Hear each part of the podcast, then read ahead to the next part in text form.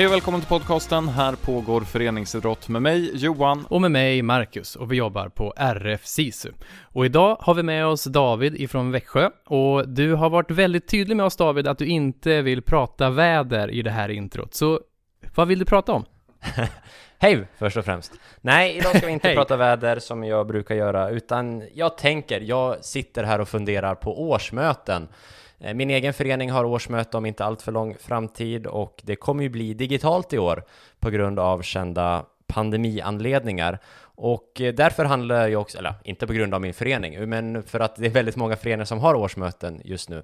Så därför har jag gjort ett avsnitt som handlar om just årsmöten. Så det är jag lite sugen att prata om. Ja, det låter bra tycker jag. Det är ju ett Eh, det är ju årsmötestider som vi brukar säga. Eh, det är ju väldigt många föreningar som har sina årsmöten under februari, mars och möjligtvis april här under året. Så att det, förhoppningsvis så är det några som hinner plocka med sig lite av de lärdomar eh, som vi vill att de ska få med. Men vem är det du har träffat för att prata om årsmöten med? Jag har träffat kollega som heter Jeanette Skog. Hon är verksam nere hos RF SISU nere i Skåne. Eh, jobbat där under flera år och eh, eh, hennes titel är egentligen sakkunnig inom föreningskunskap, men hon är grym på årsmöten. Hon har många årsmöten eh, med sig in i det här samtalet. Så henne har jag pratat med om årsmöten och digitala årsmöten. Mm, och som ni säger så är det ju verkligen ett eh, aktuellt ämne just nu så att jag tycker att eh, vi hoppar väl in i samtalet direkt och ser vad ni kommer fram till.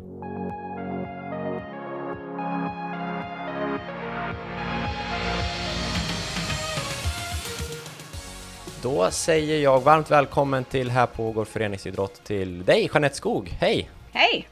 Idag så ska vi prata lite om årsmötet som ju för väldigt många föreningar i vårt avlånga land eh, stundar, eller kanske till och med precis har varit här under, under uppstarten. Liksom en, en första fråga, varför är det så många föreningar som har årsmöten just nu egentligen? Ja, det är väl för att eh, majoriteten av föreningar har ett verksamhets och räkenskapsår som följer kalenderår. Och då har man ju avslutat 31 i 12 och hunnit göra sitt bokslut och ha sin revision. Och då landar man på ett årsmöte här nu vid denna tiden och någon månad framåt. Och då kan man ju passa på att tillägga och säga att om en förening inte har kalenderår som sitt räkenskapsår så är det viktigt att man anmäler detta till Skatteverket. Första tipset redan efter bara några minuter. Fantastiskt Jeanette. Eh, men eh, som sagt, årsmötet eh, och det är väldigt många föreningar som har just kalenderåret som räkenskapsår och då om man tittar på eh, Riksidrottsförbundets stadgemall, normalstadgar hette de ju tidigare, men stadgemallen så, så säger ju den, vilket väldigt många föreningar följer, eh, det, då säger ju den att man ska ha det innan mars månad har löpt ut, eller innan, ja, innan första april helt enkelt. Så det är väldigt många som följer det. Och då kommer man ju i den här situationen att okej, okay, nu ska vi ha ett årsmöte och vi är mitt uppe i en pandemi. Så vi ska prata lite om årsmötet och också koppla det till vad skiljer sig egentligen ett årsmöte i år, 2021, där vi, där vi är som sagt mitt uppe i en pandemi. Men generellt Jeanette då, eh, vi närmar oss årsmötet. Vad ska man tänka på inför ett årsmöte egentligen? Ja, jag tänker ju att eh, man eh, ska läsa föreningens stadgar ordentligt och följa de eh, tidsintervall som där står, både om när årsmötet ska äga rum och i vilken tid innan man ska skicka ut handlingar till medlemmarna och också vid vilken tidpunkt medlemmarna har rätt att lämna in förslag som vi kallar motioner. Är, är det det som, som gäller och är det liksom det grundtipset eller finns det mera tips och tricks som man bör tänka till på innan man, innan man kallar till årsmötet eller innan man har årsmötet? Eh, jag tänker ju att det är bra att styrelsen i god tid beslutar om när och var årsmötet ska äga rum. Så att det kan man ju gå ut med långt i förväg. Och sen kan man ju göra närmare in på en direkt kallelse eller inbjudan till mötet och verkligen jobba för att medlemmarna vill komma och att göra det till liksom den viktiga stund på året som det ju faktiskt är. Om, om du får tänka och reflektera lite över tid, hur tycker du årsmötets status har, har det förändrats över tid? Eh, vi hör ju tyvärr exempel på att väldigt många årsmöten är, har låga deltagarsiffror. Alltså om jag backar från min egen ungdom, om vi säger så, eh, när man var aktiv själv, då tror jag att det var mycket mer naturligt än vad det är idag. Att man gick på årsmötet om man var medlem. Det, det hörde liksom till. Det fanns en större förståelse för kring medlemskapet och medlemskapets betydelse. Idag har det, vilket jag ju tycker är jättetråkigt, eh, blivit lite mer av att man konsumerar idrott fast i en ideell förening. Och det där vill vi ju återerövra för det är ju hela den biten som gör folkrörelseidrotten till någonting speciellt. Verkligen, så är det ju. Och eh, jag tänker att, att vi får se det positivt, det som vi är mitt uppe i nu. För jag tänker vi ska komma till det, vi är uppe i pandemin här och då tvingas nästan alla föreningar till det digitala årsmötet. Eh, och jag vill ju hoppas att att vi tar med oss en potentiellt höjd eh, deltagarsiffra som man kanske kan få med ett digitalt årsmöte och lever vidare, spinner vidare på det in i framtiden och kanske kombinerar digitalt och fysiskt eller så. Men vi kommer väl till det längre fram i det här samtalet. Men nu, är vi, nu måste vi ha ett digitalt årsmöte, Jeanette. Eh, skiljer sig någonting då i förberedelserna tycker du?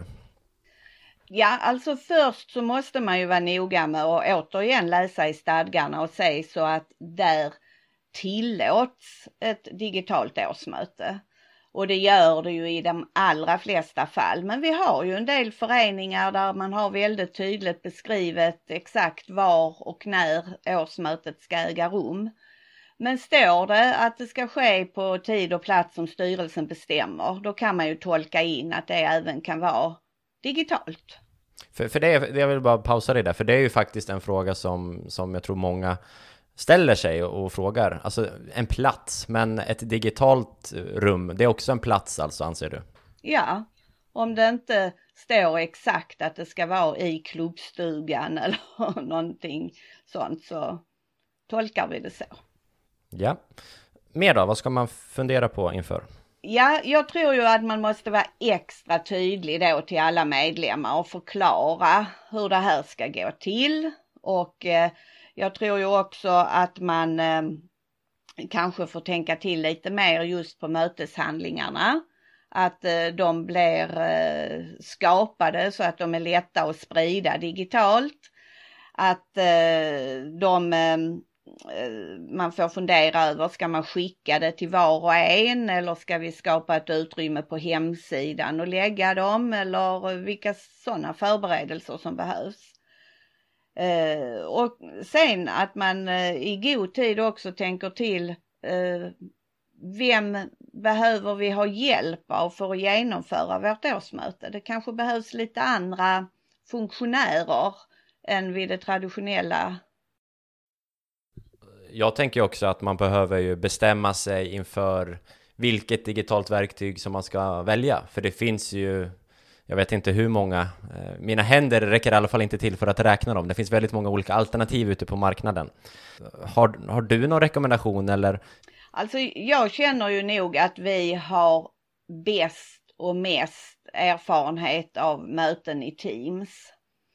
Eh, och eh, det är ju inte så att det är det enda för oss, men eftersom vi arbetar mycket i det så blir man ju klart van och det är ju också så att det finns möjligheter för idrottsföreningar att få tillgång till Teams utan kostnad eh, på ett ganska så enkelt sätt. Och då tänker vi att det gör att det är det som är mest tillgängligt. Och, och du säger en väldigt klok sak där Jeanette tycker jag, att, eh, att vi som jobbar på RFC och inom idrottsrörelsen, vi har ju väldigt många Microsoft Teams som vårt dagliga verktyg och därför är vi vana med det och därför kan vi lätt prata om det och därför diskuterar du och jag just nu i den här podcastinspelningen via Microsoft Teams.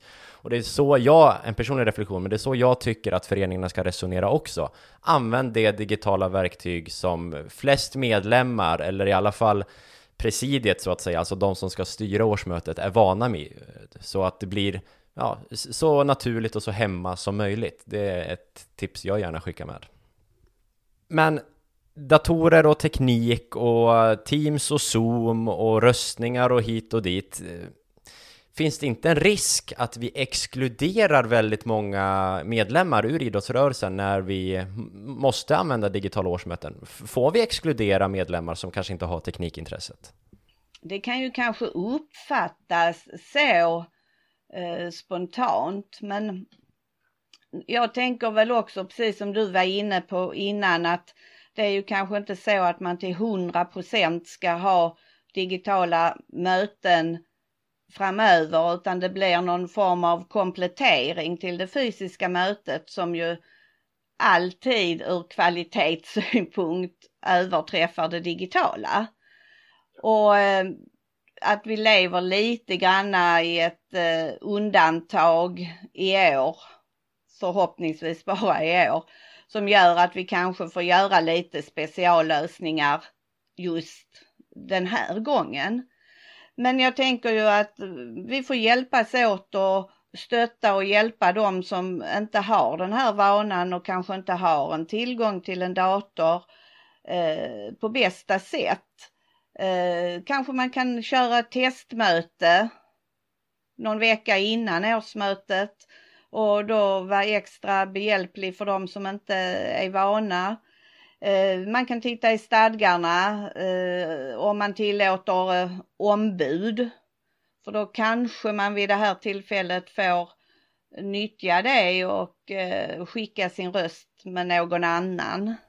Och, och som du säger, det där med förmötet eller testmötet eh, kan bara stryka under på det. Det har jag själv varit involverad i kring några årsmöten som har varit lite mer invecklande eller på förhand lite mer avancerade och då har ju förmötet, testmötet varit en nyckel till så otroligt mycket för det ger ett lugn både till, till presidiet, alltså de som styr mötet eller de som är tilltänkta att styra mötet i alla fall eh, men även för alla osäkra medlemmar. Att komma in och testa. Hur fungerar min kamera? Hur fungerar min ljud? Jaha, där ser jag en powerpoint eller ett Excel-dokument och eh, så kan jag räcka upp handen eller rösta eller vad det nu kan handla om. Så, så förmötet, eh, verkligen.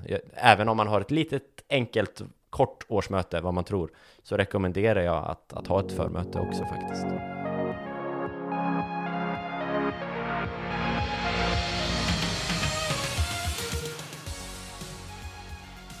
vad är viktigt att tänka på under årsmötet och egentligen under årsmöten eh, generellt? Ja, alltså jag kan ju tycka att det både i stora och små föreningar är bra om man lånar in en extern person och vara mötesordförande. För då kan eh, styrelsen koncentrera sig på sina frågor, kanske de svaren de behöver lämna och så vidare. Så någon person som är lite rutinerad och som inte tillhör föreningen eh, daglig, till, till vardags eh, kan vara en väldigt bra stöttning. Och sen är det ju, vi får ju inte göra det värre än det är så att säga utan ett årsmöte är ju ett möte som medlemmarna ska ju tillsammans här nu hjälpas åt att genomföra mötet, göra det i en god och trevlig anda för att kunna fatta de beslut som är till det bästa för föreningen. Inte skapa någon eh, stridstämning eller så utan verkligen sätta föreningen i fokus och tillsammans på ett bra sätt fatta de besluten som de flesta medlemmar i föreningen är, ställer upp på. Och allting det du säger, det är ju oavsett om man har fysiskt eller digitalt eller eh, kombinerat eller vad man nu kan tänkas ha.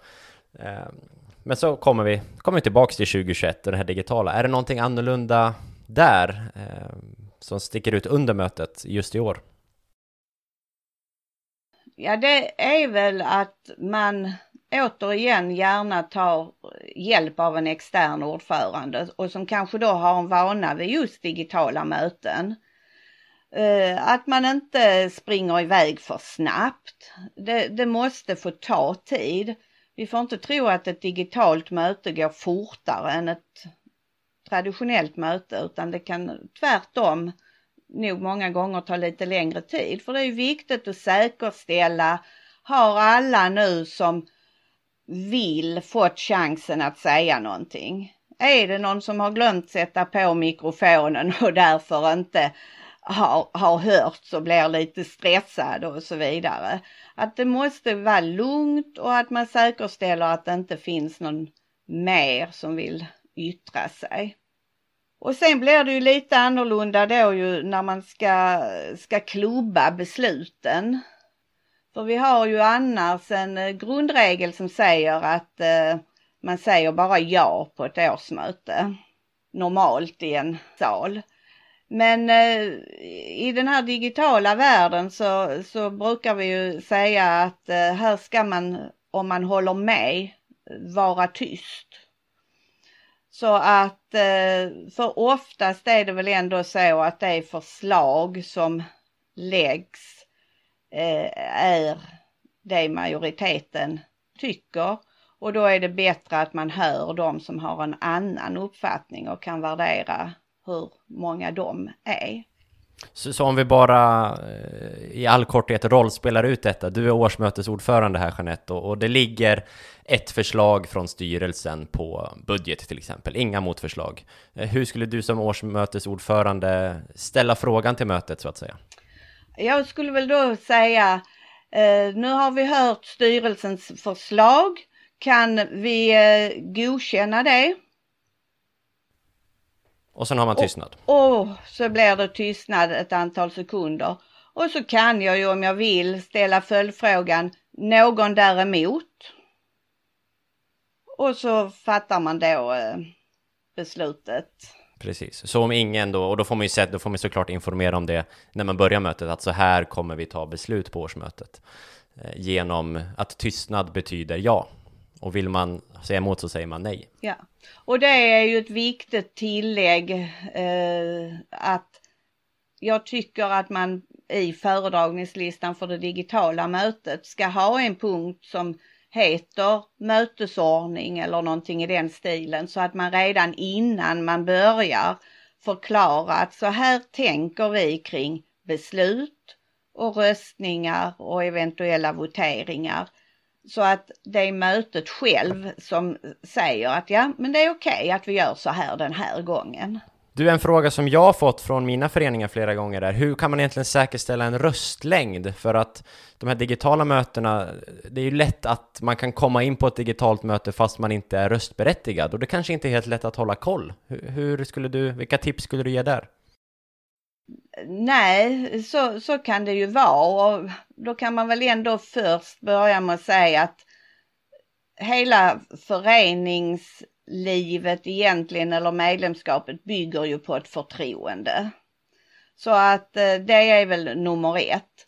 Sen tänker jag ju då att man eh, tar in anmälningar till det här årsmötet och eh, sen skickar man möteslänken bara till de som är anmälda.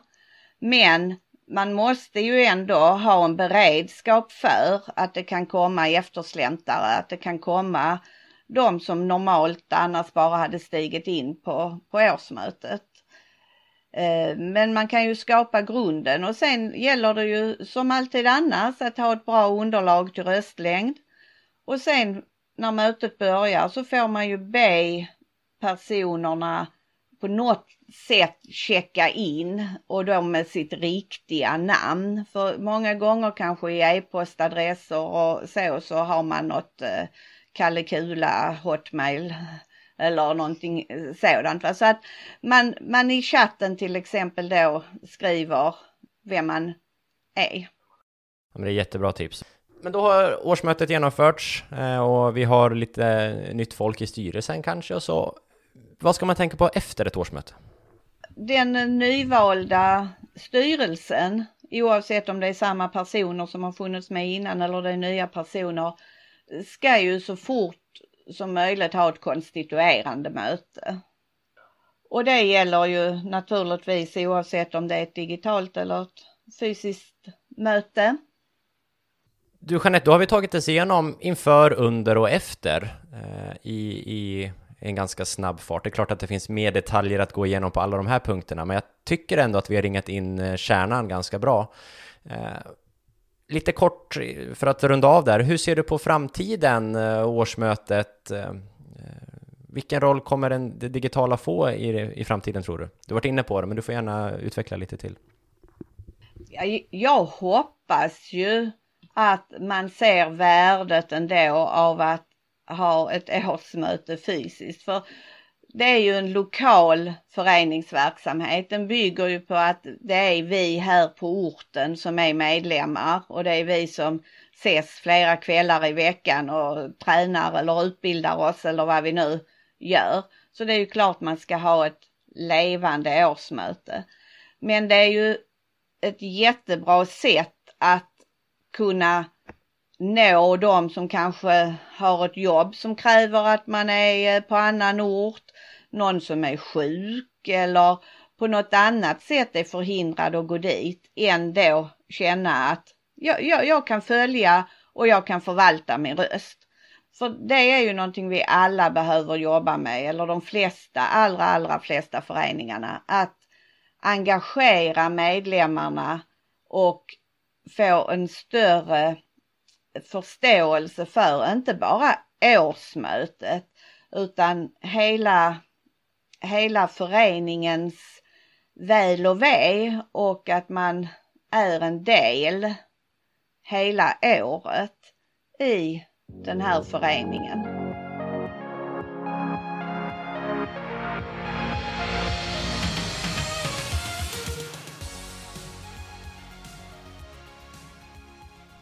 Ja, då tackar vi Jeanette Skog för eh, hennes medverkan i våran podd och jag vänder mig till dig David och undrar vad du tar med dig speciellt ifrån det här samtalet.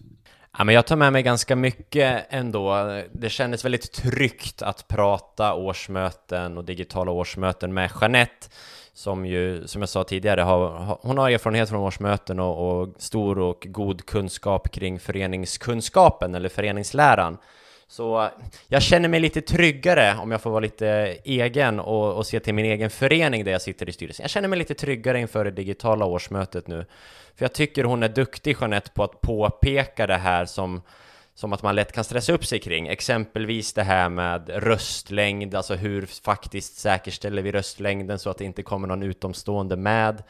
Eh, hon säger det så bra att eh, det, föreningslivet handlar mycket om tilltro och tro på sina medlemmar. Och så kan man ju ställa sig frågan varför skulle någon vilja kuppa in sig på årsmötet i min i sammanhanget relativt li, liten förening liksom. Så ja, jag tar med mig hennes lugn i, i de typer av frågor. Ja, det är väl bra att skicka med ut också till alla de som sitter och, och förbereder det här att eh, ja, men som Jeanette säger också att det eh, liksom det är aldrig föreningarna har varit så förberedda inför ett årsmöte som de är eh, inför de här digitala för att de går igenom olika saker. Det är väl positivt i och för sig då att man ser över många saker men man behöver kanske inte överarbeta så mycket heller.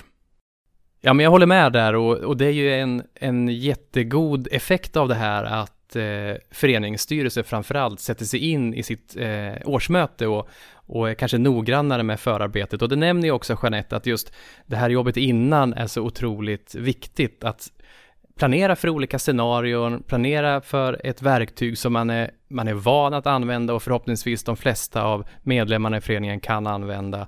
Sen, eh, vad tycker ni om det Jeanette säger att hon vill ju återgå till ett fysiskt årsmöte när det här är över. Eh, håller ni med om det eller tycker ni att eh, vi borde hålla fast vid det digitala? Jag tycker ju, alltså mina tidiga tankar här när jag jobbat kring årsmöten så tänker jag så här, wow, det är ju flera föreningar som har dubblerat sina deltagarsiffror och det är klart att digitala årsmöten är framtiden. Men då är det också ganska tryggt i att kunna luta sig och lyssna på vad Jeanette säger. Att grunden i förening och föreningsdemokrati handlar ändå till mångt och mycket om det här mötet. Och visst kan man hävda att det digitala mötet också är ett möte, men det blir ju inte riktigt samma sak och där håller jag med henne ändå. Så, så även om jag är väl väldigt ung och digital i sinnet så, ja men en kombination, alltså att köra eh, att man streamar sitt årsmöte och att man ger möjligheten att vara med digitalt eh, tycker väl jag är framtiden, men att det, det fysiska mötet ska stå i centrum ändå. Ja, jag håller med helt och kan egentligen dra parallell till ja, men de många eh, föreläsningar som olika RFSIS-distrikt har hållit också, där man har haft mycket, mycket flera besökare och åhörare på dem, men där engagemanget kanske inte riktigt blir detsamma när man sitter hemma eh, i sin soffa i mjukisbrallorna Eh, och lyssnar lite med ett öra kanske, eh, än när man faktiskt tar sig tid och kommer, eh, kommer ner till idrottsplatsen eller vad det kan vara någonstans där föreläsningen hålls eh, och blir mer engagerad antagligen och kan ha lättare att ställa frågor och så vidare också. Så jag tror precis som du är inne på att vi måste jobba med någon typ av kombination, både när det gäller årsmöten men mycket annat som vi gått över till att vara digitalt också. Att, ja, men vi ska ha den fysiska träffen i centrum men vi kan komplettera upp det med det digitala. Eh, kanske under samma möten att man sänder en föreläsning även digitalt. Eh, men kanske också att variera sig lite grann däremellan. Att inte bara titta på åhörartalen. Nej, och min upplevelse av det är, jag har varit eh, involverad i ett antal digitala årsmöten här på, under den senaste tiden där man också har haft rekordantal deltagare på årsmötet, men min upplevelse är att det blir otroligt tyst. En, en tysta årsmöten, det, jag tror att vi, vi ändå är lite i barndomen av det här digitala och inte helt bekväma med att sätta på mikrofonen på sin telefon eller dator och sen ställa de här frågorna som är lättare att ställa, kanske om man är på plats fysiskt på ett årsmöte. Så då, då drar man sig gärna. Eh, men David, jag vet ju att eh, ni i Småland, om man nu blir intresserad och, och, man lyssnar på det här avsnittet, men man vill också få se lite hur det funkar och få tips på lite mer eh, praktiska saker i de olika digitala programmen som finns och sådär, så vet jag att ni har ju haft en utbildning kring det här, stämmer inte det? Jo, det stämmer. Eh, och jag hade äran att få hålla i den digitala utbildningen och den ligger faktiskt inspelad på, finns på Youtube. Eh, så antingen om man söker på RFSISU Småland på Youtube eller digitalt årsmöte RFSISU tror jag man får upp den också. Eh, så det är en utbildning på cirkus två timmar, en och en halv någonting, där man kan, där vi går igenom egentligen från ax till limpa hur ett digitalt årsmöte ska genomföras och vilka verktyg som finns. Sen tänker jag också att man, eh, om man vill ha en mer direkt kontakt med, med sin idrottskonsulent, var ni än är i Sverige, så kan ni alltid slå en signal eller skicka ett mail och och fråga, kan vi bolla vårt digitala årsmöte? Vi är lite osäkra. Så kan konsulenten eh, svara på frågor eller alternativt skicka vidare till någon som kan svara på mer frågor. För eh, kunskap finns ute i distrikten, även om alla inte är eh, IT-experter.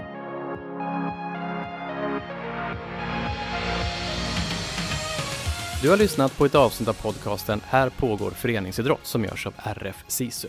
Vi är väldigt intresserade av att komma i kontakt med dig som lyssnar och få höra dina åsikter och funderingar. Och oss når du absolut närmast via Instagram och där heter vårt Instagramkonto Här pågår föreningsidrott ihopsatt till ett ord. Du kan också skicka ett mejl till oss och där har vi adressen podd rfsisu.se podd rfsisu.se vi är tillbaka igen nästa torsdag med ett nytt avsnitt. Vi hoppas vi hörs då.